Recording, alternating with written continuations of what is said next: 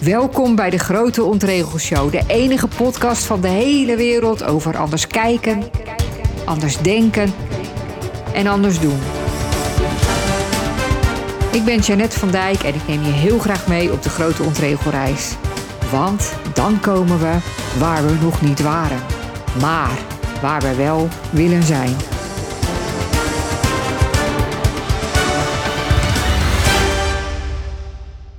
Welkom, leuk dat je er weer bent bij de Grote Ontregelshow. Ook deze keer komt er weer van alles voorbij. Van miljonair tot zenmonnik. Ik wens je heel veel luisterplezier. All you need is love.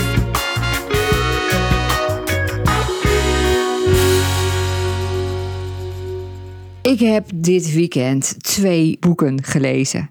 En dat mag in de krant, want dat was even geleden. Misschien herken je dat wel, dat je vooral in vakanties ehm, zo heerlijk ja, weg kan zinken in een boek. Nou, we gaan tegenwoordig niet meer zo vaak op vakantie, zal ik maar zeggen. Dus ik had me ook echt voorgenomen, ik wil dit weekend minder op mijn telefoon zitten, minder lummelen. Ik, ik heb zin om te gaan lezen. Dus ik heb één boek uitgelezen.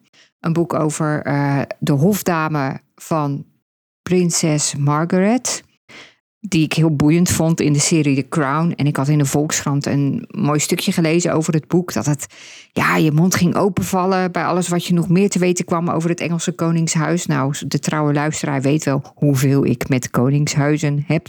Haha. Dus ik was er helemaal eh, benieuwd naar, maar het boek viel eigenlijk heel erg tegen. Want zoveel spectaculaire nieuwe dingen over het Koningshuis kwam ik niet te weten. En bovendien is het duidelijk zo. Ja, die vrouw die is eind tachtig en die heeft haar verhaal verteld tegen iemand en die heeft gewoon opgeschreven wat zij vertelde. En dan zonder enige gelaagdheid of zo, weet je wel, van, nou prinses Margaret, ja, ze had wel humor, want toen waren we een keer in India en toen gebeurde dit of dat. Dat was heel grappig. Maar goed, uiteindelijk heb ik het toch uitgelezen, omdat zij zelf ook wel een boeiend of bijzonder of, nou ja, ook wel schokkend leven had eigenlijk.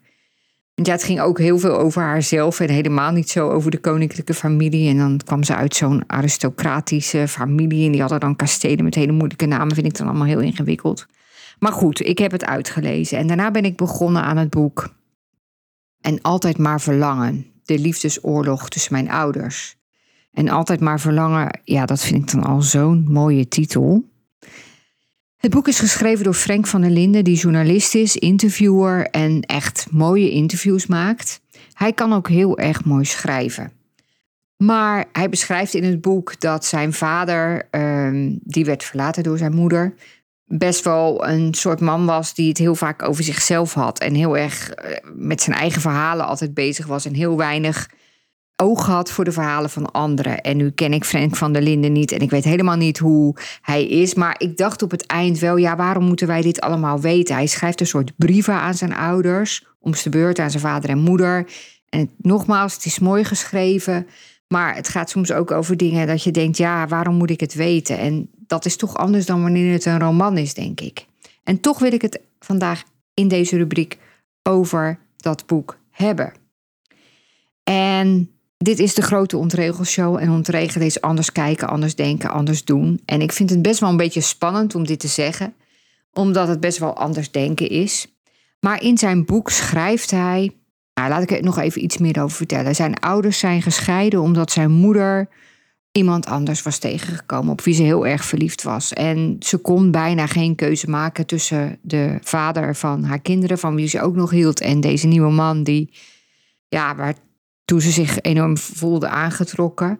En uiteindelijk is ze weggegaan en de vader was ja, heel boos en teleurgesteld en zo. En nam het de vrouw heel erg kwalijk. En vond het echt heel erg en zo. En de kinderen namen het de moeder ook heel erg kwalijk. En Frank en zijn zusje hebben ook brieven geschreven naar de rechter dat ze hun moeder nooit meer wilden zien en zo. En het boek gaat er ook over dat hij later beseft dat hij een heel eenzijdig en ook boos beeld had over zijn moeder. En dat raakte me al, want zo vaak gaat, gaat het natuurlijk vaak in scheidingen, toch? Dat kinderen heel erg beïnvloed worden door een van de twee ouders. Zelfs dit zeggen vind ik al een beetje moeilijk, want er zitten natuurlijk altijd twee kanten aan een verhaal, maar toch zie je dat heel vaak gebeuren. Er is heel vaak heel veel wrok en zo. Nou, uiteindelijk komen die ouders elkaar toch nog na heel veel jaren willen ze elkaar toch zien. Die moeder wilde dat altijd wel. En die stuurde ook altijd brieven naar die kinderen. En die, werden, die brieven werden gewoon niet gelezen en niet beantwoord. Heel treurig allemaal. Maar goed, aan het eind van hun leven ontmoeten ze elkaar toch. En hij schrijft dan: Mijn ouders hebben elkaar ontmoet en omhelst. En ja, dat is natuurlijk wel heel mooi. En dat is ook heel mooi hoe, als je ziet hoe blij ze dan toch nog zijn. Na al die jaren. Maar Frank van der Linden die schrijft op een gegeven moment, hij heeft zelf dus, hij is voor de derde keer getrouwd, hij is dus twee keer gescheiden. En hij schrijft ergens, ik heb niet het boek hier bij de hand, dus ik kan niet precies voorlezen hoe hij het schrijft, dus ik vertel hoe ik het heb onthouden. Er wordt vaak gezegd dat kinderen van gescheiden ouders uh, het zelf ook heel moeilijk hebben om een goede relatie te hebben, omdat ze eigenlijk niet het goede voorbeeld hebben gekregen. Maar, zegt hij, je kunt het ook anders bekijken en bedenken dat ouders die zelf gescheiden zijn, eigenlijk hun kinderen hebben geleerd dat je ook met dingen mag stoppen als het niet goed meer voelt. En dat raakte me. Ik ben zelf gescheiden en ik denk dat ik er altijd een soort schuldgevoel aan over zou houden. Dat ik niet mijn kinderen een echt gezin heb kunnen geven. Een gezin met een, hun eigen vader en hun eigen moeder. En ik weet ook dat ik geloof ook dat. Um, nou, laat ik het zo zeggen. Er is een groot onderzoek geweest in Engeland. waaruit blijkt dat kinderen eigenlijk slechter af zijn. als ze in een relatie groot worden gebracht. waarin de ouders geen liefde meer voelen. En dat is natuurlijk een beetje ja, ontregelend wel. Want natuurlijk zullen er heel veel ouders en misschien ook wel deskundigen zeggen dat ouders altijd bij elkaar moeten blijven voor hun kinderen. En heel veel ouders vinden dat ook. Ik heb dat nooit zo gevoeld. Ik heb dat ook nooit gekund. Ik heb altijd geloofd in um, opre ja, oprechtheid. Ik kon het gewoon niet. Ja, dat kan je jezelf kwalijk nemen en dat kan ook gewoon een feit zijn. Ik heb ook altijd gedacht. Ik gun jou iemand die jou kan geven wat je nodig hebt. En als ik dat niet meer kan, dan heb ik liever dat je nog iemand anders tegenkomt die dat wel kan. Ik moest ook denken toen ik dat las in het boek aan uitspraken van Jan Geurts. Misschien ken je die, dat is een, uh, ja, hoe zal ik het zeggen, een verlichte goeroe of zo. Een wijze man. En die heeft ooit ook eens een keer gezegd van alles verandert altijd. En relaties kunnen ook voorbij gaan. Liefde kan voorbij gaan. En het scheelt enorm als je dat kan accepteren. Ook al ben je degene die verlaten wordt, of ook al ben je degene die verlaat, dat, dat is ook moeilijk. Maar dat je kan accepteren dat er dingen voorbij gaan en dat je kan terugkijken op iets wat mooi is geweest. En dat je terug kan kijken met dankbaarheid. En dat je dan verder kan met je leven zonder wrok, zonder ruzie, zonder altijd verongelijkt, verdrietig, teleurgesteld of boos te zijn. Want er komen weer nieuwe dingen. Er komen altijd weer nieuwe dingen. Er kunnen weer nieuwe gevoelens komen. Er kan weer nieuw geluk komen. Want alles verandert altijd. En ja, ik vond het dus mooi om te lezen dat hij schreef dat je dat je kinderen ook mag leren. Dat dingen voorbij kunnen gaan en dat je dan voor iets anders kan kiezen. En nogmaals, het voelt ook best wel lastig om dat te zeggen, omdat ik ook wel weet dat natuurlijk het allerbeste is als je altijd bij elkaar kunt blijven en als de liefde nooit ophoudt te bestaan. Maar ik heb ook altijd gedacht, hoe kun je beloven dat je altijd bij elkaar blijft? Je kunt elkaar wel beloven dat je blijft tot de liefde blijft bestaan. En dan hopen dat die liefde heel lang blijft bestaan. Ik heb ook wel eens gedacht, we hebben natuurlijk het huwelijk is ooit bedacht op een moment dat mensen nog niet zo oud werden als ze nu werden. Dus mensen gingen toen misschien op hun vijftiende of zestiende trouwen, dat weet ik niet. En op de gemiddelde leeftijd was misschien onder de 40, dus je was nooit 50 of 60 jaar getrouwd of zo. Dus als wij nu iets zouden bedenken, zouden we dan weer een huwelijk bedenken? Of zouden we misschien relaties van een zeven jaar bedenken? Of zouden we veel meer bedenken dat we in een gemeenschap op, opgroeien? Of zouden we bijvoorbeeld bedenken: oké, als je gaat trouwen, dan, dan beloof je elkaar bij elkaar te blijven tot de liefde blijft bestaan. Niet tot, tot de dood, maar tot de dood van de liefde. En dat je dan ook afspreekt hoe je uit elkaar wil gaan. Dat je dan elkaar ook die ruimte wilt gunnen en elkaar ook het beste gunt. En ik kan me voorstellen als dat weerstand oproept. Want natuurlijk is het erg als je. En mag je ook verdrietig zijn en, en mag je ook teleurgesteld zijn. Maar het zou zo mooi zijn als die woede ervan afging. En die jarenlange elkaar het licht niet in de ogen gunnen, bijvoorbeeld. Omdat ik geloof dat je daarmee je eigen pijn ook zo, zo, zo erg in stand houdt. Er is een filmpje uh, van een interview van Marianne Williamson en Oprah Winfrey. Dat zag ik vorige week op het event van Susanne van Schaik, met wie ik ook wel eens een podcast opgenomen heb. Als je die um, naam je bekend voorkomt. Het was een event over sales, het was super mooi.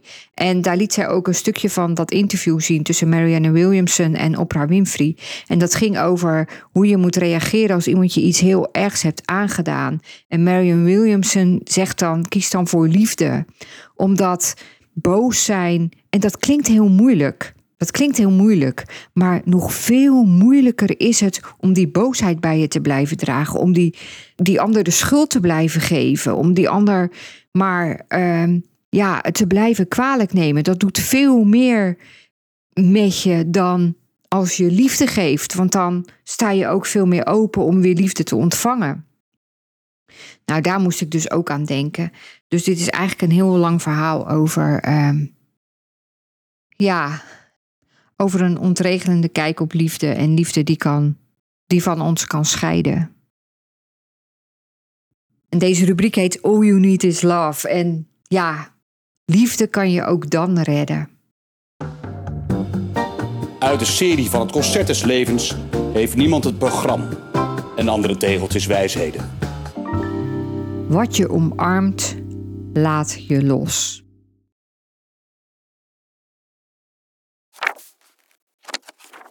Vandaag gelezen. Er was een man en die deed onderzoek naar de vrije tijdsbesteding van miljonairs. Ja, ik denk dan, dan altijd, hoe kom je erop? Hoe kom je erop om juist dat onderwerp te kiezen? Maar wel een boeiend onderwerp. En ook boeiend is wat eruit kwam. Die man, Thomas Corley, wie kent hem niet, ontdekte dat miljonairs, rijke, succesvolle mensen heel veel vrije tijd besteden aan leren. Over het algemeen kijken miljonairs geen televisie. Ze lezen boeken, boeken om wijzer te worden. 86% zegt dat ze dat doet. En 63% luistert ochtends onderweg naar het werk of weet ik veel wanneer allemaal, naar audioboeken en naar podcasts. En ze lezen gemiddeld minimaal twee boeken per maand. Nou, laten we ervan uitgaan dat, dit een, dat ze eerlijke antwoorden hebben gegeven.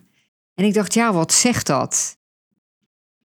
Nou ja, het zegt uh, dat als je. Uh, je zou een verband kunnen leggen tussen succesvol zijn en de behoefte om nieuwe dingen te leren. Dat groeien gelijk staat aan nieuwe dingen leren. En dat je nooit bent uitgeleerd, ook als je al die mijlpaal van een miljoen hebt uh, bereikt. Ineens denk ik, ja, een miljoen is ook niet meer wat het was, maar dat geheel terzijde. En twee boeken per maand lezen, um, ik vind het best wel veel. Ik haal het denk ik niet. Behalve in de vakantie, zoals zoveel mensen. Weet je wel, dan kom je ineens weer in dat ritme om te lezen. En gewone dagen komt het er zo weinig van. Maar dat vind ik ook wel opmerkelijk eigenlijk. Daar maken ze dus tijd voor. Je zou denken, mensen die miljonair zijn en succesvol zijn, die hebben het heel druk en die hebben helemaal geen tijd om een boek te lezen, want wij hebben dat al niet. Maar uh, zij nemen daar denk ik tijd voor. Ja, boeiend wel hè? Rise, sister, rise.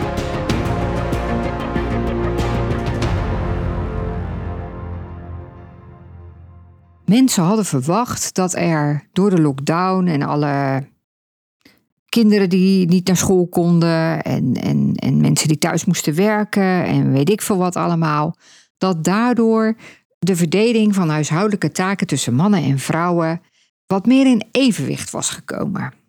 En in het begin leek dat ook die kant op te gaan. Maar er zijn nu verschillende onderzoeken gedaan. En wat is de uitslag? Tara, tara, tara. Er is nauwelijks iets veranderd. Nog steeds denken verreweg de meeste vrouwen: ik doe veel meer in huis. En mannen geven ook gewoon toe dat zij minder taken doen. En mannen werken ook meer. Dat verandert ook niet. Ja, onderzoekers die zeggen traditionele rolpatronen zijn heel hardnekkig. En dan moet ik altijd denken aan, ik weet niet of ik het al eens een keer verteld heb, aan een filmpje van een onderzoeksproject aan de Universiteit Leiden, waarbij ze gingen kijken hoe mensen deden tegen baby's en, en kleine kinderen en peuters en kleuters. En vanaf de wieg, vanaf het moment dat je in de wieg ligt, wordt het dus al anders tegen je gedaan als je een meisje bent of als je een jongen bent. Meisjes zijn altijd schattig en lief en jongens zijn sterk en stoer en wat ziet hij er uh, lekker stevig uit. Al in de wieg wordt er anders gedaan door mensen. Hebben, praten ze met een andere stem meisjes worden anders behandeld. Je ziet het gewoon als, als meisjes wil doen, dan is dat niet de bedoeling. En als jongens wil doen, dan, dan, dan is dat, uh, een, wordt dat aangemoedigd. En nou ja, was er zo'n filmpje en dan van echt van... Ja, mensen die volgens mij zelfs niet eens door hadden hoe, hoe stereotyp ze waren. Weet je, dan, dan had een, een jongetje die koos bijvoorbeeld een roze iets. En dan zei zo vader, roze is toch voor meisjes? Nou, ik wilde dus zelf in mijn eentje uh, deze hele, uh, uh, dit hele verhaal omdraaien. Dus toen mijn oudste dochter was geboren en ze voor Sinterklaas, de eerste Sinterklaas geloof ik, een pop kreeg van mijn moeder, dat wist ik, kocht ik meteen een plastic kiepauto, rood met blauw. Ik zie hem nog zo voor me. Want ik dacht, ja, ik ga haar uh, speelgoedneutraal opvoeden. Ik had zelf vroeger ook altijd met autootjes gespeeld en zo. Ik vond poppen niks. Ik dacht, dat ga ik mijn kinderen ook niet aandoen. Dat ze met poppen moeten spelen. Nou, uh, een paar jaar later, toen heb ik die auto aan haar zusje gegeven. En hij zag er nog even nieuw uit als op die Sinterklaasviering. Want ze had er misschien wel eens naar gekeken, de oudste, maar ze had hem geloof ik nog nooit aangeraakt. Die auto interesseerde haar niets. En hetzelfde gold voor haar zus. Dus tot zover uh, mijn uh, rollenpatroon doorbrekerige opvoeding. Overigens, uh, de jongste speelde wel echt met poppen. Of althans, liep ze dan mee in de, in de wandelwagen. Maar dat heeft de oudste geloof ik ook nooit echt gedaan. Maar goed, um, die rolpatronen zijn dus heel erg hardnekkig volgens die onderzoekers. En dat komt omdat we het van jongs af aan zo geleerd hebben dat meisjes meer de zorgtaken doen en, en jongens meer werken kennelijk. En dat de omgeving waardeert het ook heel erg. Meisjes voelen zich, weten dat ze daarvoor gewaardeerd worden. En wat ook een rol speelt, is omdat vrouwen vaak denken dat ze beter zijn in bepaalde taken dan mannen. Nou, dat ken je misschien wel van die uh, verhalen van mannen die dan een keer de badkamer gaan schoonmaken of zo. Dat die vrouw het dan over gaat doen. Of dat ze uh, een hele lijst met aanwijzingen hebben over hoe het allemaal moet. Maar goed, vrouwen ja, hebben dus ook echt het gevoel dat zij ook dingen moeten regelen dat eisen ze ook van zichzelf. Kennelijk denken ze dat het anders niet goed komt. Of ze zien het als hun taak. Of het is weer dat verhaal van dat ze daarvoor, dat ze dan de good girl zijn of zo. Of ze hebben het zo geleerd. En daardoor houden ze het dus zelf ook allemaal in stand. Ja, het is echt een, een wonder. En misschien vind jij het helemaal niet. Misschien vind jij het heel logisch. Maar ik ben zelf dus helemaal niet zo van de zorgtaken. Ik vind er ook geen enkele zorgtaak leuk. Ik vind de was doen niet leuk. Ik vind koken niet leuk, behalve als het voor gezellig is. Weet je wel, dat er mensen komen eten en dat je iets, iets, iets leuks gaat maken en zo. Dan vind ik het allemaal leuk.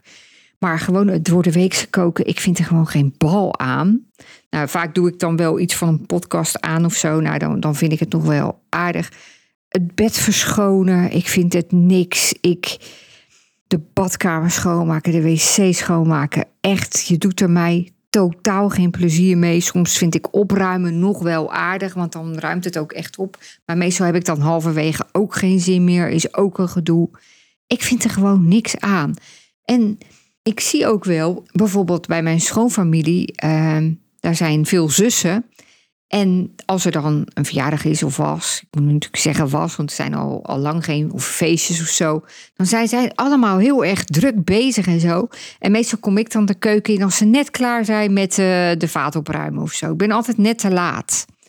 Nou, dat doe ik niet expres, maar dan denk ik ineens, oh ja, ik moet ook helpen. Het zit er gewoon bij mij gewoon niet zo in van nature.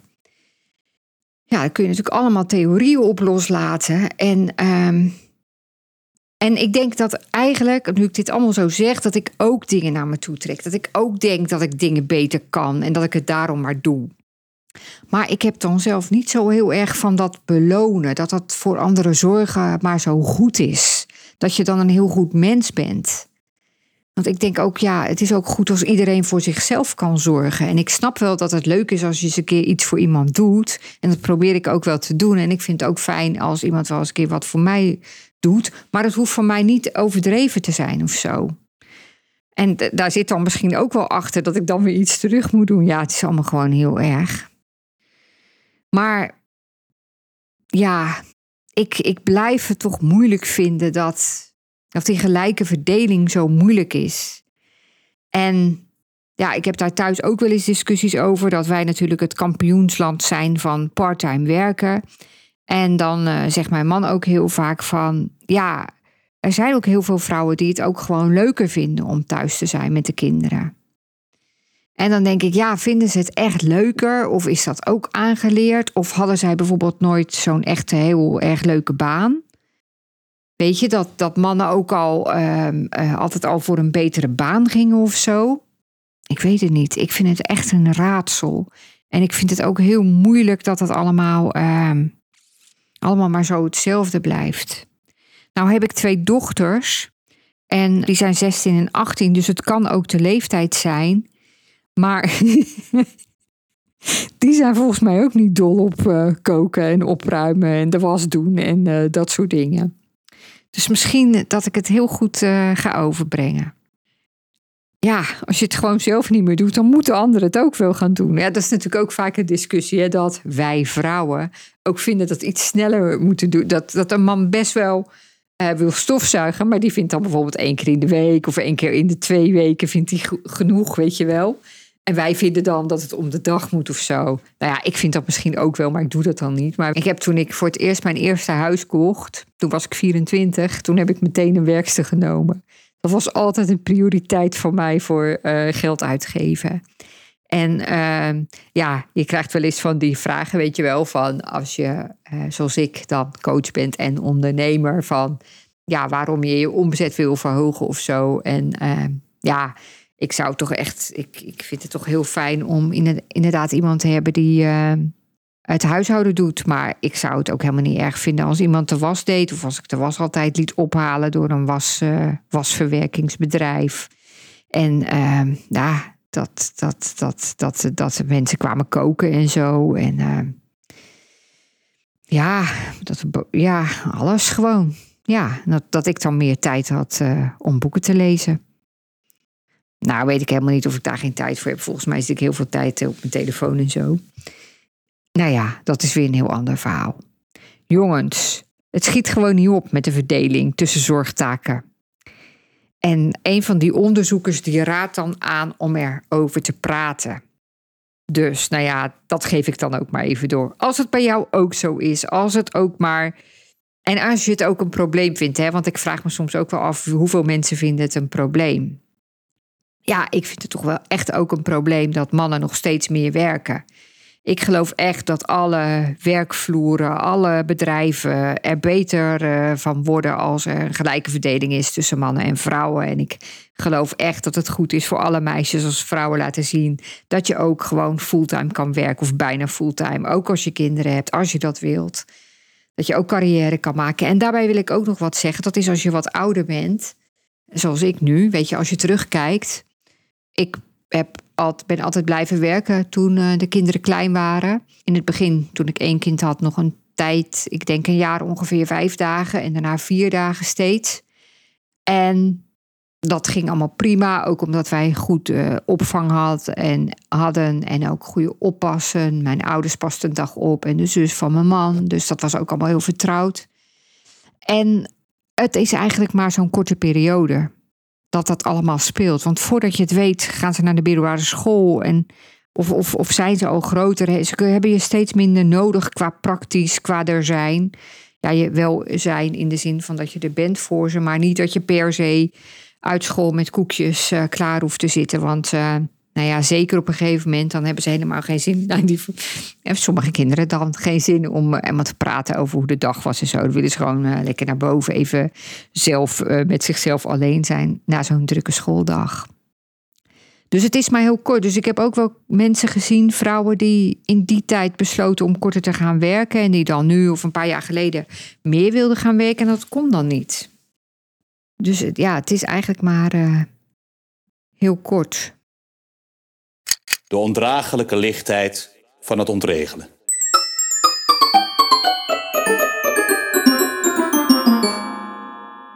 Een man werd eens gevraagd hoe hij ondanks zijn vele bezigheden zo rustig kon zijn. Hij antwoordde: Als ik sta, dan sta ik. Als ik ga, dan ga ik. Als ik zit, dan zit ik. Als ik eet, dan eet ik. Als ik spreek, dan spreek ik. Degenen die de vraag stelden, zeiden: dat doen wij toch ook? Maar wat doet u nog meer? De man antwoordde weer: Als ik sta, dan sta ik. Als ik ga, dan ga ik. Als ik zit, dan zit ik. Als ik eet, dan eet ik. Als ik spreek, dan spreek ik. En weer zeiden de mensen: Dat doen wij toch ook? Maar hij zei tegen ze: Nee. Als jij zit, dan sta je al. Als je staat, dan loop je al. Als je loopt, dan ben je er al. Als je eet, dan ben je al klaar. Dit is geschreven door een zenmonnik en voorgelezen door mij. En dit was het alweer. Wil je meer over mij weten? Kijk dan op mijn website janetvandijk.nl of volg me op Instagram. Vind ik leuk. En heel graag tot de volgende keer. En dankjewel dat je luisterde.